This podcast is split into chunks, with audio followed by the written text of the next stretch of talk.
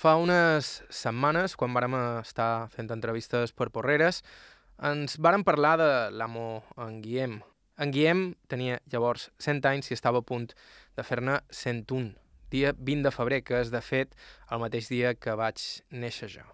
Aquell dia li varen fer un homenatge, i va haver un poc de berenar, i va rebre la felicitació de la bellesa. I des de llavors, de nou en paral·lel, hem estat tots dos un poc tabacats. Avui estic, avui estic com en forma, m'entens? Ja me veus.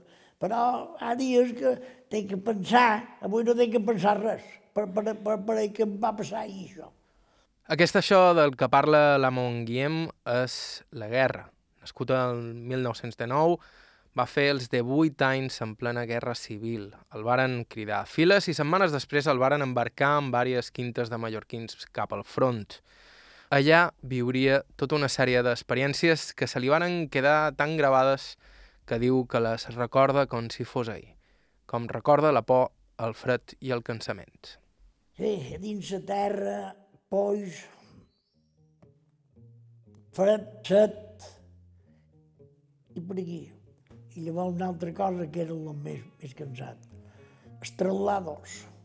Hi havia traslados de, de prop de 30 quilòmetres a peu.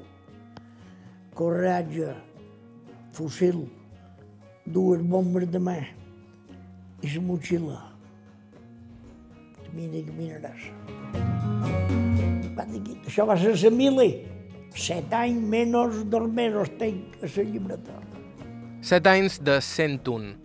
Són molts, tant el set que va fer d'Emili com el 101 que ha viscut i ha vist amb els ulls. La Monguiem conserva, en tot cas, com heu escoltat, un capet clar i és un gust sentir-lo explicar històries, encara que algunes també tinguin un regust amarg i terrible. Estau escoltant Aire a IB3 Ràdio, us parla Joan Cabot, començam.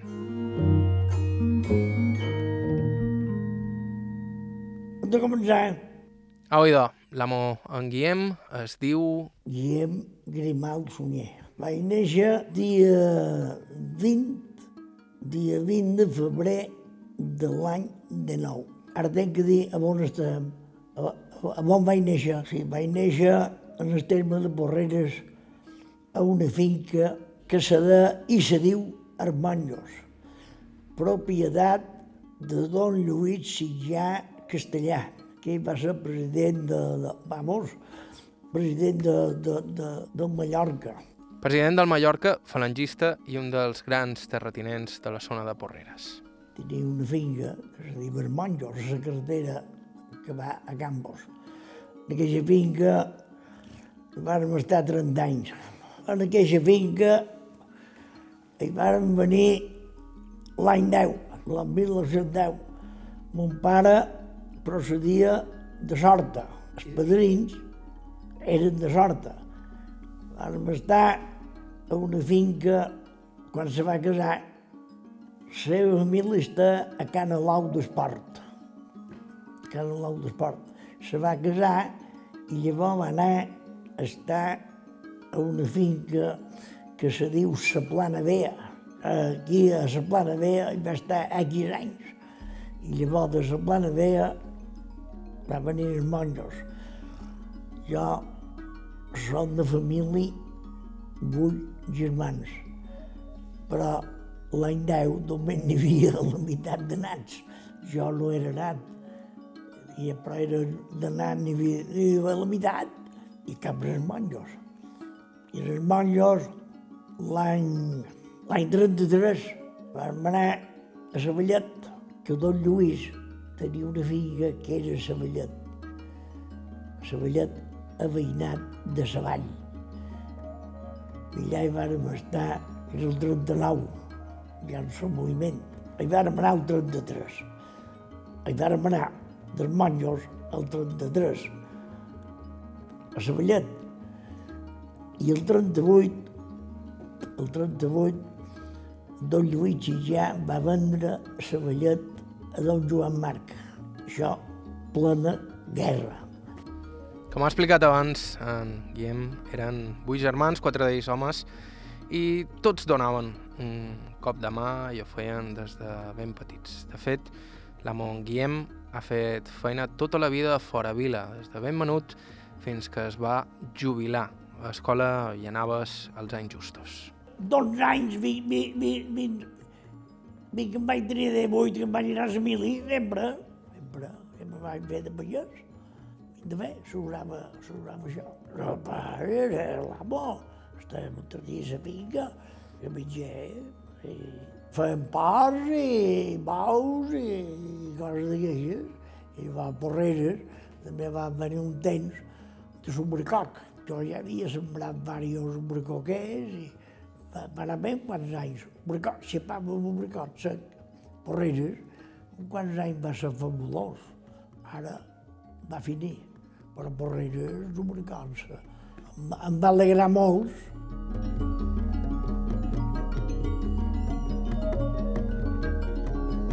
Vaig a escola un parell d'anys, perquè estem, estem aquí, aquí a la posició dels monjos, cinc o cinc missatges, que és una bona posició.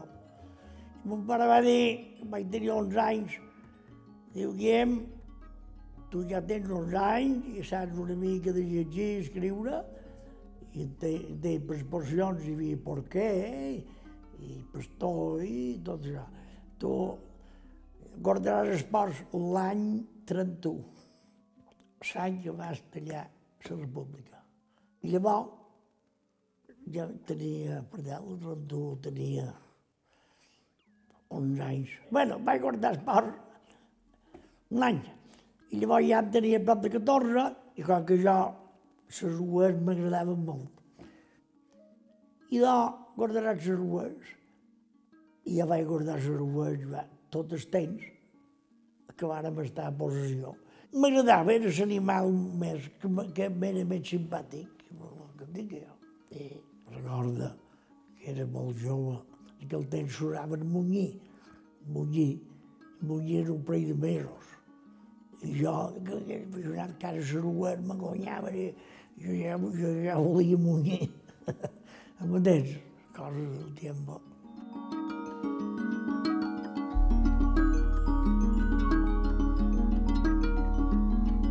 No, mon pare era, era festós.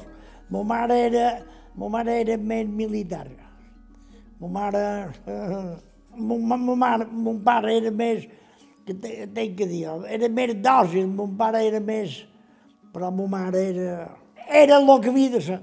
El meu fill, no, tenia por, a borda. No. Llavors, mentides, ho coneixia si era bé en so caminar. M'explic. No, no s'ho tragava. Sí, llavors tenia un caràcter, no amb ningú. Sap, sap quin sistema tenia? Sempre feia cases que tenia davant. No feia contrari, m'entens? No feia contrari, no feia contrari. Veia que, veia que no era bé, m'entens? Però li feia bona cara. M'expliques que era la meva mare. I era la manera, la manera que agafava tot el que ell salta l'idea. Perquè si, fe- si fa el contrari, caben. O caben a tots, o caben. Era, era, vamos, era...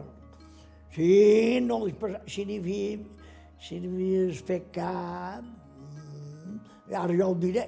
Jo, jo, jo ara et diré una, una, una, una feta que em va passar. Jo devia tenir... Que me'n recorda? Eh, Devia tenir set anys o menys. Lo que van els lots anava a escola aquí, un puesto que se deia Can Germanos, i el que fan els lots, de tenir misquetats amb un parell, i un dia en vez d'anar a escola, mos van anar a jugar. Saps? I, i l'altre, i l'altre ho va dir a casa seva, perquè jo estava eh, a la vila, estava amb una cosina més, més gran i menjava eh, a, casa, a casa nostra, però la cosina, jo feia cap. I la cosina, la cosina no va saber si jo havia anat d'escola. Però l'altre ho havia dit a sa mare, i sa mare era amiga d'una que ma mare li feia fer la roba, que la coneixia. I, i aquella dona va anar a, ca, a a, a queixa que cosia, i va dir, ahir el meu fill se'n va anar a jugar a vostra i no va anar a escola. Mare meva, i el cent de mà, que estava en una possessió, que es diuen monjos, va venir cap a la vila, i jo a escola. I, i, i en sa cosina va venir a l'escola, jo tenia sis anys, però me'n recorda. I, diu, em van dir, mam, ta mare, va, ta mare vol xerrar amb tu. I jo vaig sortir, sense dir era ni ova, ara ho dic talment, me va agafar per un braç i me feia voltar. Tenia força, una dona grossa. Me'n va dar, me'n va ferrar cinc o sis, i ho duc gravat. Sí? Sí. Sabia. I una germana, ara ho diré perquè és veritat, la petita, la petita eh, estava una finca, una finca de Saballet, i els dissabtes mon pare anava a Palma i duia cafè, un pot de cafè i xocolata. I, i aquella tenia per dalt, era molt petita. La mare solia penjar un pes dos altres. I la germana va anar a menjar. També se'n va dar compte i li va fer el mateix número i ja va estar arreglat. S'usava, això. Però me'n recordo jo de ma mare. I era molt petit. Vull dir, no, no li feia gol a ma mare, no.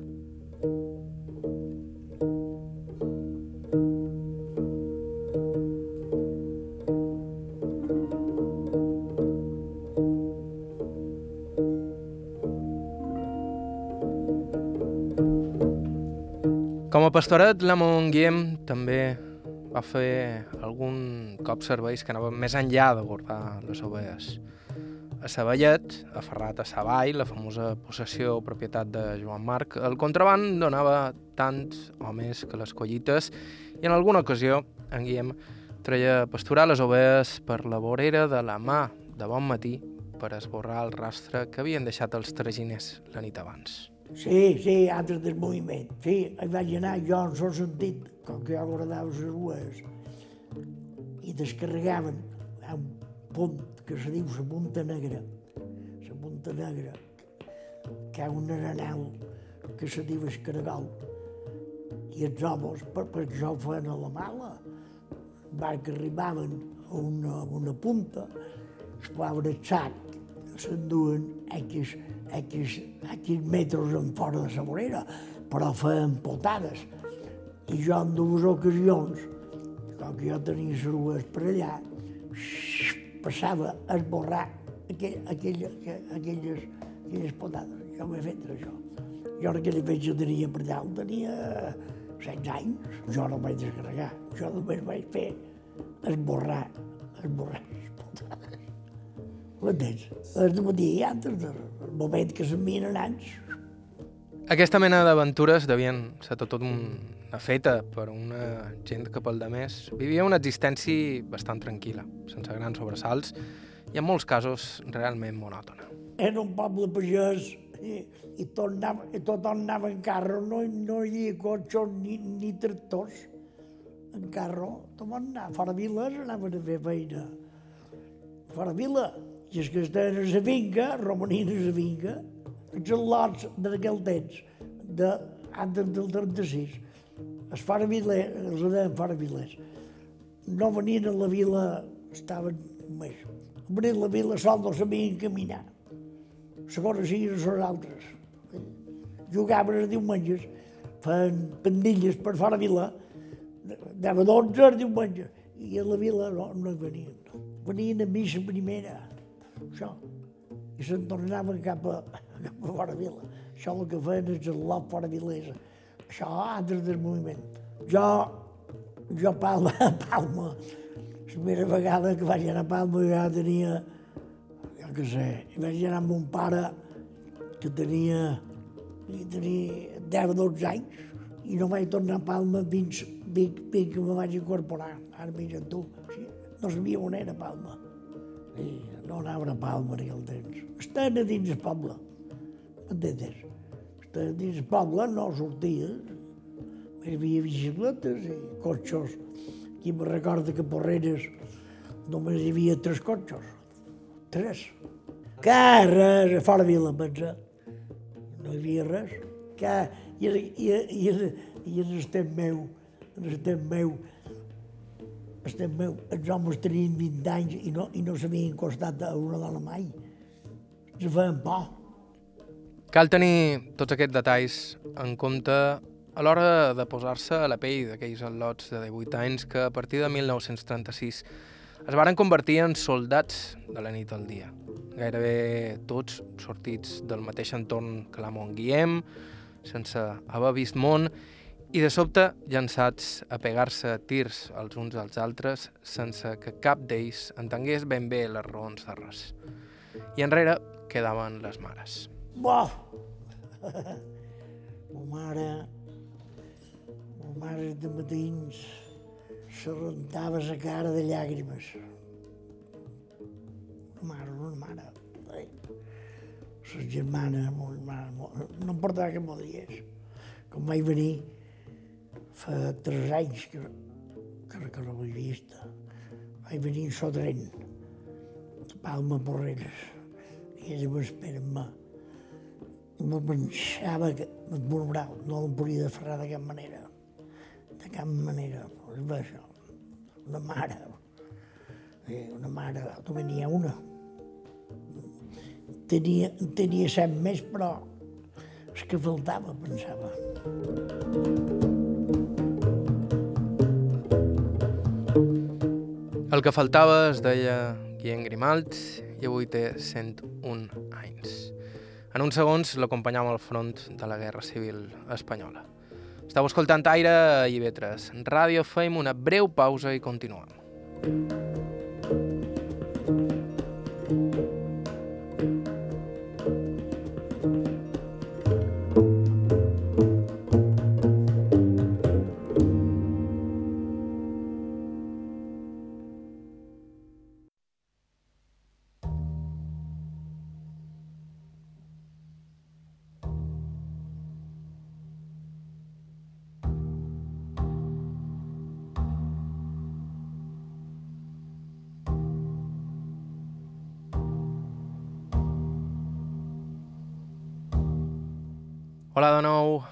és Aire a Ivetres Ràdio. En el programa d'avui estem escoltant els records de l'amon Guillem Grimalt, que el passat 20 de febrer celebrava els 101 anys. Si feis els càlculs, sabreu que va néixer el 1919 i que el 1936, quan va esclatar la Guerra Civil, estava a punt de fer els 18 anys. I això era el pitjor que et podia passar en aquells temps oscurs. Jo no pensava mai anar en el frente. Jo quan vaig tallar el meu moment tenia, jo també néixer el de 9 i dia 15 de febrer del 38 me vaig incorporar a la mili i dia 10 de maig me varen de barco. Supercar de Comilles, cap a Cádiz, vam estar tres dies dins la mà, varen desembarcar a Cádiz i de Cádiz cap a Sevilla amb un tren i a Sevilla vam estar uns 15 dies. I després vam estar 10 dies, i cap de 8 dies vam partir cap a Fuente Bejuna, de la província de Córdoba. Allà hi vam estar 10 dies. I després dels 10 dies, camions, i ens van dur a dins un usina, usina, i van arribar a Esplenda. De Mallorca hi havien partit una bona partida de joves. Quatre quintes en total, just en el mateix vaixell en què en Guillem es va embarcar. A Esplenda, bon Jesús! I van anar, se va embarcar dia 10 de maig, dia 10 de maig, el mercat de Comilla, tot, tot, un, un parell de trimestres, tot de seguit del 40. Se, se, se va entregar dia 10 de maig, dia 10 de maig. Mos vàrem embarcar dia 10 de maig. Jo que sé que eren moltíssims, dia 10 de maig, del 38, tot seguit del 40 se va embarcar. Mira. I van desembarcar, qui vol, qui vol, qui vol t'he dit.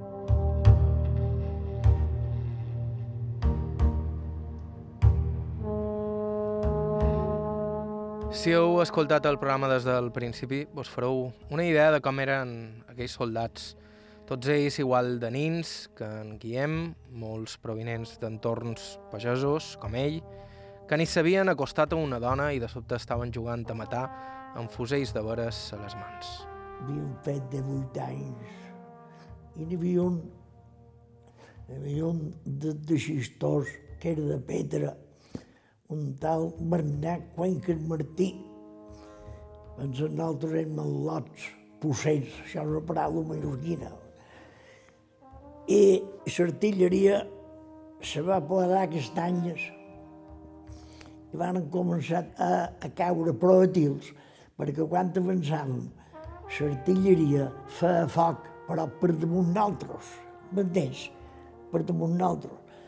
Però l'artilleria se va poder a fer foc i van començar a caure branques d'usina i en, i en Cuenques me diu Grimalt, ara crec que han arribat els.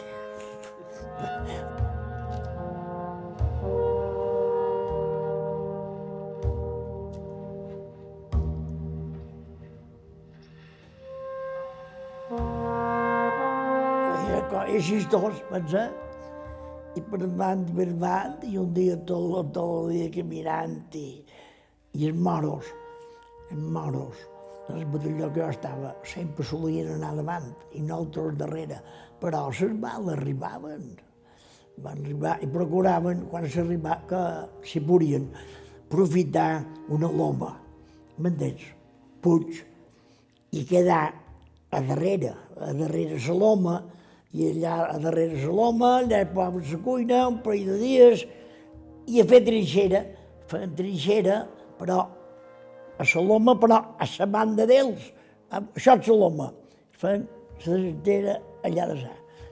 I llavors, cap d'aquí uns anys dies, tornava a venir sort de pst, avançar, i, i així mos, varen passar la campanya.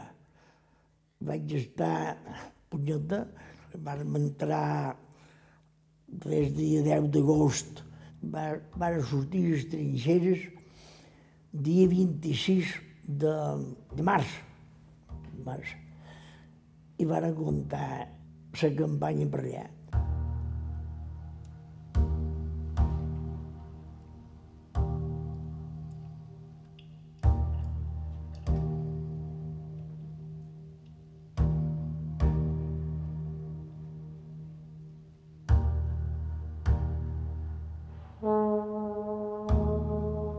En el front hi havia dies i dies. També hi havia temps per una cosa pròxima a l'avorriment. Un avorriment preuat, això sí. Era millor allò que els dies d'acció, perquè no sabies si la comptaries. Anaves fent avanços i després et quedaves uns dies mantenint la posició a les trinxeres, tot depenent dels capritxos dels qui manaven. El frente. Hombre, el frente, el dia que no, el dia que no avançaves, perquè el primer, quan, quan havies avançat, havies de fer trinxera, perquè les bales te, te, te, te mataven.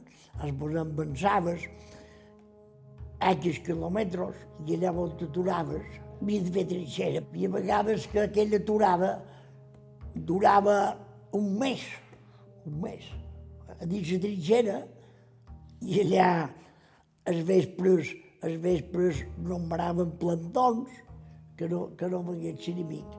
Hi havia vegades que feien els contraris, eh, els republicans, se deien golpes de mano. Estàvem en aquella loma i hi havia oficials, oficials xulos que, que no sabien. Això, això va ser un desastre. Per anar a conquistar una loma que potser eren deu cortarades, que no hi havia ningú, ni estava edificat, però només per dir eh, un golpe de mà.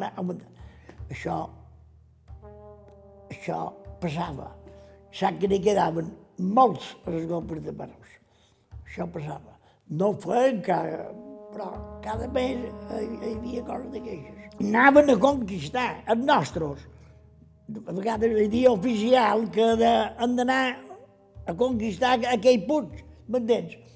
Això, això passava. Però no anaves cada, cada, cada instant, però passava. Se de golpes de mano. Eren aquests cops de mà els que, segons en Guillem, provocaven més baixes en un i altre bàndol. I ell va participar en unes quantes d'aquestes incursions. En alguna ocasió la va veure de ben a prop. I si va matar algú no vol dir o no ho sap, perquè disparar allà tothom disparava encara que fos per fer por. Batudells vaig esperar, jo estava en batalladores, sí, però no, no, no sabia, no sabia quin queia. I una vegada em van fer una de, de, de Vansadilla dins d'un camp, dia 10, me'n recordaré, dia 10 d'agost. Era un camp que tenc que dir jo. Hi havia a centre de un arbre ni res. I a Sant Front hi havia, hi havia una cordillera, una cordillera de muntanyes. Nosaltres vam entrar a dins aquell, a dins aquell pla. I ens havien dat capells, de capell de palmes, saps què són? Capell de palmes pintat de pintura. Les bales passaven, que tenc que dir tothom els va perdre els capells. Varen ferir el comandant, però en van matar bastants de, de, de, els que anaven més, més davant. Varen ferir el comandant, me recorda que va passar per davant un altre, que també és, de, el capità. Capitán, hace usted cargo del batallón que, que a mí me han dado. Me han dat un resquit. Això era el dia 10 d'agost. I, que, i, i llavors, var, com van arribar a Sant van estar un parell de dies, ens van canviar a un altre sector. Els morts, quan n'hi havia molts, els enterraven allà mateix. No hi havia molt de temps ni per curar els malalts. Tot es reduïa a seguir avançant. Els moros eren els encarregats d'enterrar-los.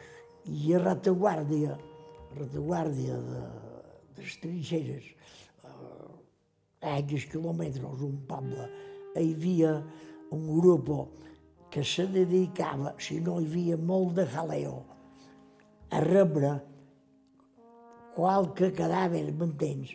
I allà aquells feien negoci, perquè com tenia la documentació, i enviaven, enviaven a dir a els familiars, i allà amb un babuls de gent els afletaven però això era quan no hi havia masses en vendes.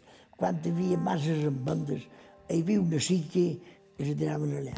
Però quan mataven pocs, resulta que aquell, aquell, aquell se dedicaven a rebre, però sí hi havia molt no. Això també m'he vist.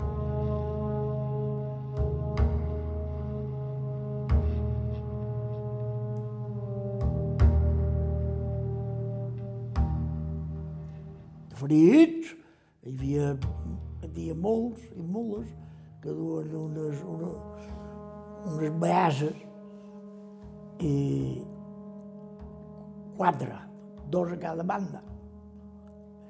I, i el que manava la mula, si només era un, perquè això llavors era quatre per, i si no era mort de tot, el posaven a dins la garilla, cap retaguàrdia. Però només evacuaven els ferits. Jo va arribar a mitjan juliol, en el frente, me va pegar una enfermedad que se diu espeludisme, però com que és que només tenien calentura, jo vaig estar 20 dies a dins una mata 42 graus de febre. Me vaig primar un quilo cada dia, però només evacuaven els ferits, ferits, els de febre dins la mata. Eh, estava inconscient. Jo tenia, havia tingut una nòvia, ara jo el dic, m'havia dat un anell, d'un anell dit, no em vaig endemar que me llevassen. Com, com va passar la febre, vas veure que vaig començar a aixecar, just, just me contava, i n'hi havia un de, de les salines. I, i me deia, deia Grimalt, i, i tot ha tornat nas. no m'ho donava, i llavors a poc a poc, a poc a poc. Vaig anar, vaig dir a la de la cuina, la cuina, de, mira, si me un pot de, un pot de vinagre. I que de fer vinagre. Me va dur vinagre i el primer vaig fer gorgues de vinagre. Saps què és fer gorgues? De vinagre. Ah, vinagre sense de baixar. La boca, entenc, no vull dir que pareixia que m'havia fet. I me vaig llevar aquell engolut i, i, i vaig tornar a llorar. Ah, això em va passar jo. 42 grams de febre en més de 20 dies. Groc! Vaig tornar groc com un canari. A poc a poc, el bàndol nacional, el bàndol d'en Guillem, un bàndol que no havia pogut triar, va anar guanyant terreny al bàndol roig. La sort dels presoners era sovint ben trista. En Guillem, de fet, m'explica una anècdota esfereïdora que ahir també el va deixar marcat se feien presoners, se feien, se feien presoners i se'n passaven qualcun, se'n passaven qualcun. Jo, una, en una ocasió que vàrem avançar, eh, on ens van aturar, com que es cap d'una estona hi havia dos de transmissions que se varen, va, se varen mesclar amb nosaltres que els al·lots estaven perduts. I quan se van entendre, van estar d'altres. Això ha estat, ha estat el que m'ha fet més assumpte a la vida. Que els dos eren lots joves.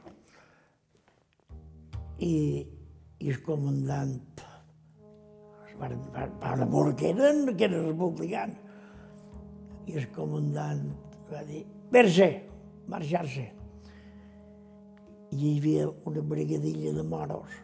Ja sabien la consigna com van ser. Vint passen fora. De la mà ha estat la cosa que m'ha fet més un de que els alors estaven perduts. Estaven perduts, va dir, que els alors els havien d'haver fets pressioners, però jo van fer aquell número, això ho he vist també, van fer de tot. Fets com aquest el varen deixar marcat, però en Guillem no li dona massa voltes a tot allò que li va tocar fer aquells dies. No es considera un heroi, però tampoc es tortura amb la culpa. Al cap i a la fi, ell no va poder triar. No, va ser una guerra. Va ser una guerra que té que dir, oh, lo, lo, lo, lo, lo que, de, que l'ha guanyada la guerra la va guanyar ningú. Van matar un milió d'homes. Era Guillem Grimald, nascut el 1919 a Porreres i veterà de la Guerra Civil Espanyola. La seva història encara no ha acabat. Estau escoltant Aire i Vetre Ràdio. Fem una breu pausa i continuem. Hola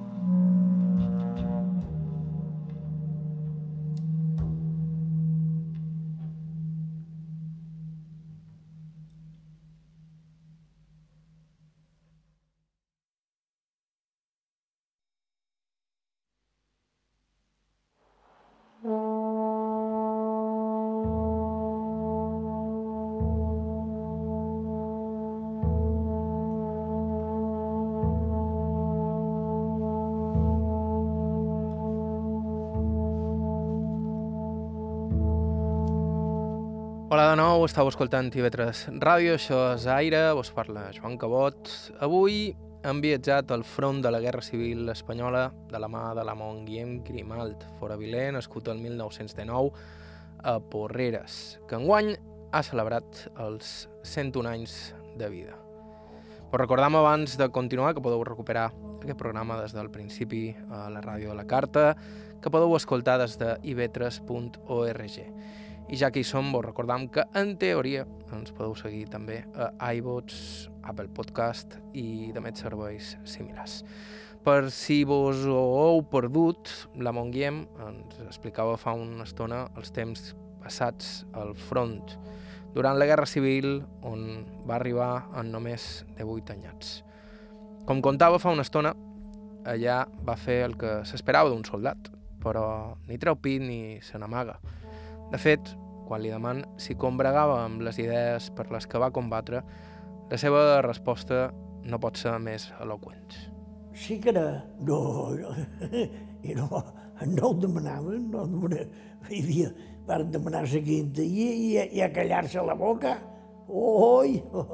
Hi havia falangistes que eren voluntaris, però quan va venir, quan demanaven les quintes, no em demanaven si eres blanc ni negre, a formar-hi i, i, i, i, i Marco. No, hi havia, hi havia Dormando, Vidal Bando, i en Franco era, era de la banda de, de, de, era en Franco i, i nacional i, i per un band, sí, no, no em demanaven res.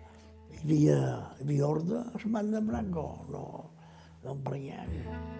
I això va ser la guerra. La Montguiem va viure mitja guerra en el front, que ja és molta guerra. Massa per un atlot de 18 anys, massa per a qualsevol edat, en realitat. Deu anys damunt d'una persona, perquè hi havia que els agonya, que m'orgonyaven de deu anys. Deu anys damunt d'una persona a dins la penúria se coneixen. Aquells vells ploraven.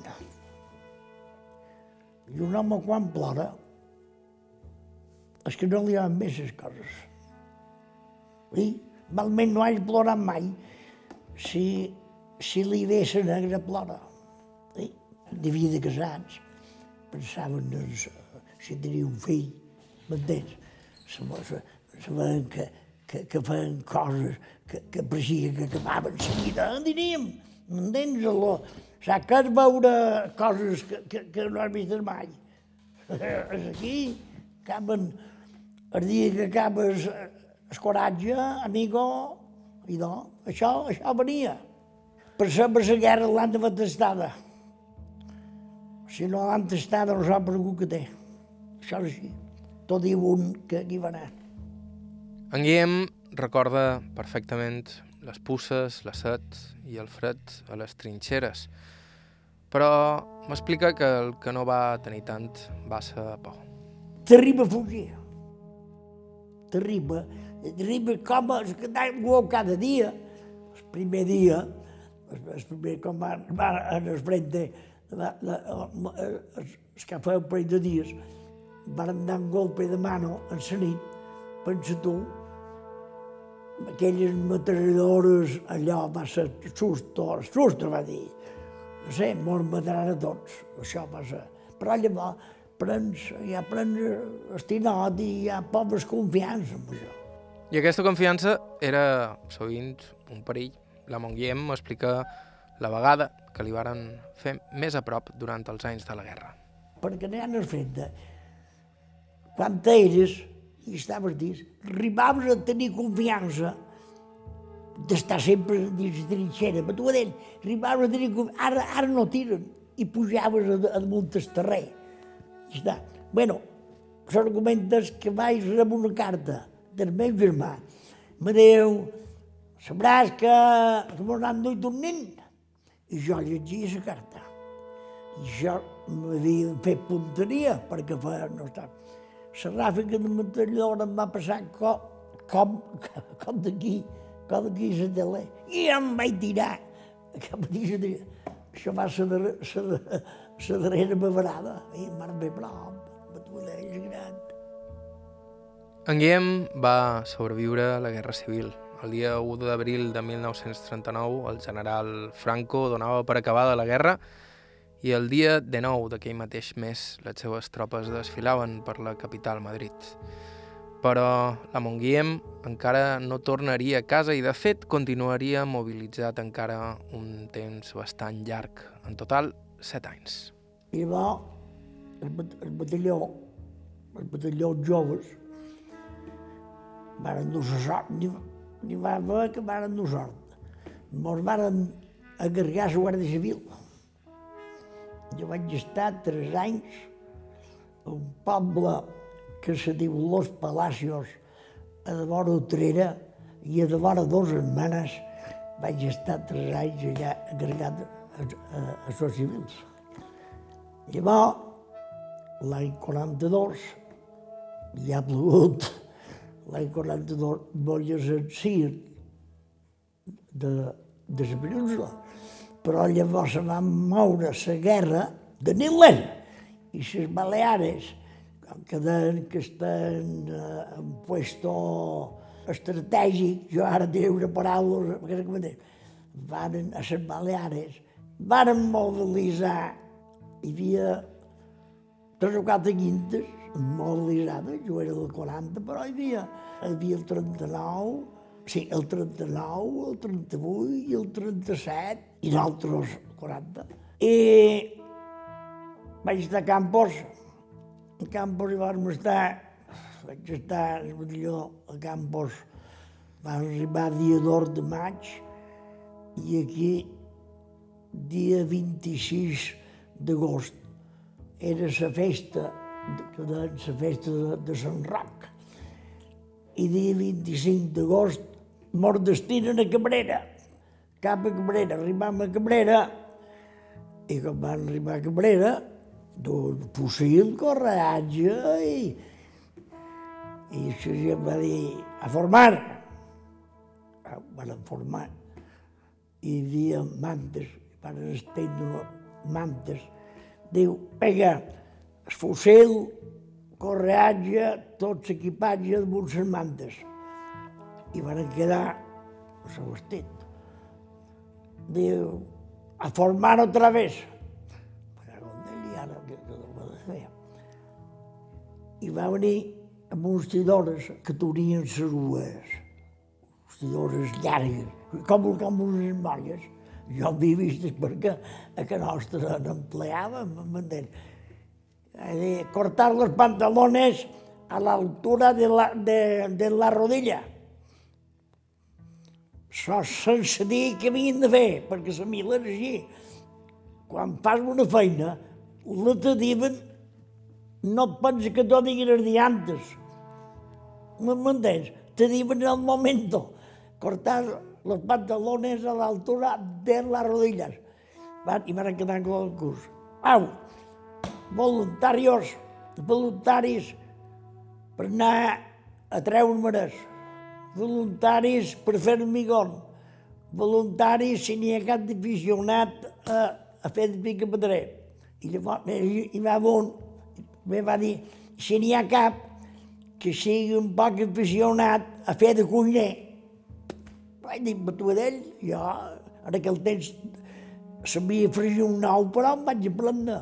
Vaig dir que això, això m'ho provaré. I, I vaig sortir voluntari. I els presits. I allà a Cabrera vam estar nou mesos. Nou mesos fent feina, vam anar bé, i després de nou mesos mos duen a Manacor. A Manacor, a llavors tren. I llavors va arribar un, una vagonada de personal militars que havien estat a la zona roja. Van posar, com encara ho podem dir, si ho haguessin dit ara, ara m'haguessin duit a cap mi, però com que ara ja podem xerrar. Van destinar 10 o 12 a cada companyia. Eren semipresos que van dur cap aquí i, i va, se va regargar per disciplina, no m'entens, però ens van regargar a nosaltres. Eren de zona roja, però nosaltres érem aquells. Sí? Duen sis anys de mil i, i així que era recluta. Mos manaven, tocaven diana, tocaven diana, i si no tenies les sabates poades, passava el sergent d'en Josinto, m'entens? Per, per disciplinar tant, per nosaltres, duen sis anys de mili i també entraven amb aquells. M'explic com anava la mili en aquella fetge. Llavors, cap d'un parell de mesos, això era per dalt el, el, el 40, el 44, sí, van venir van venir de Cabrera de vez dia, de dia 10 de maig del 44, en aquell temps. Hi havia Mallorca varen fer mm, nius de metralladora i vàrem anar de Manacor, vàrem anar a l'esport de Manacor. Llavors ens varen destinar a l'esport de Manacor. I l'esport de Manacor hi vàrem estar, punyeta, això em van anunciar a darrer de setembre, a darrer de setembre del 44, i allà me van anunciar, això és la vida militar.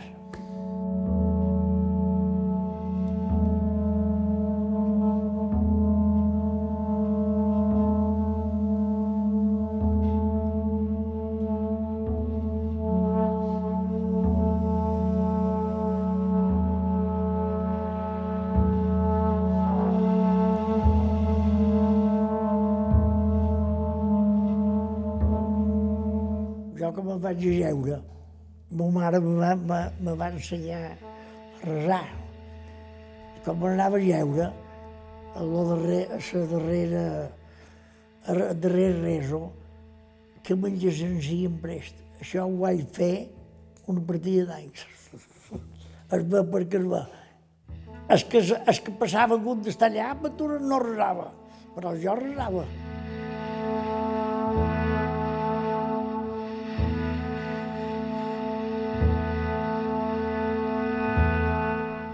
Un cop llicenciat, Guillem Grimalt es va refugiar a Fora Vila. Havia nascut a la pagesia i a la pagesia es va retirar. No ha estat, al cap i a la fi, una mala vida.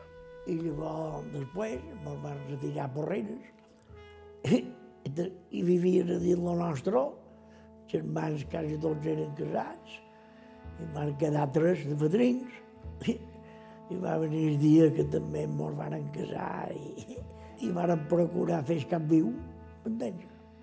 Jo em vaig casar al 50, 52, ja, els altres també, i així, i he passat la vida.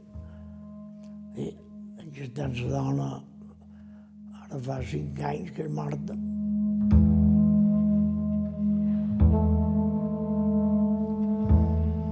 Com han dit, el passat 20 de febrer en Guillem feia 101 anys.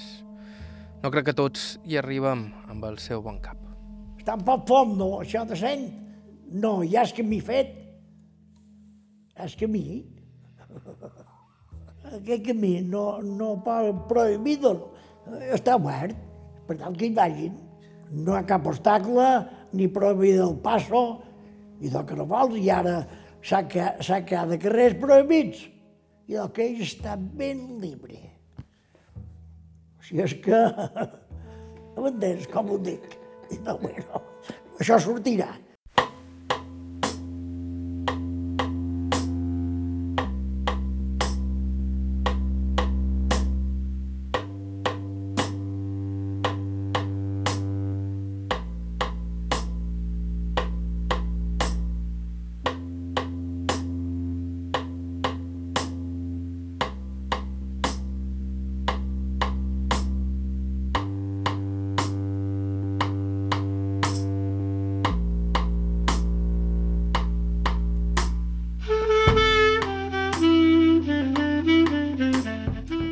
Milions de gràcies a Guillem Grimalt pel seu temps i contar-nos la seva història i gràcies també a Margalida Pocoví pel cot de mà. Vos recordam un cop més que sempre estem cercant testimonis, així que si ens voleu proposar alguna entrevista ho podeu fer per correu a aire.ivetresradio.com o deixar-nos un missatge en el 971 13 99 31. 971 13 99 31. Si vos voleu subscriure al podcast del programa ens trobareu a iTunes i de més serveis similars i l'arxiu complet del programa el teniu a ib3.org. També ens podeu seguir a través de Facebook i Instagram, especialment si voleu veure imatges dels nostres entrevistats i fotografies relacionades amb aquest programa. La música del programa d'avui ha estat de Joshua Abrams, Trio Ramberget i Hearts and Minds. Bàrbara Ferrer a la producció executiva, Iker Hernández a la producció tècnica, vos ha parlat Joan Cabot. Fins la setmana que ve.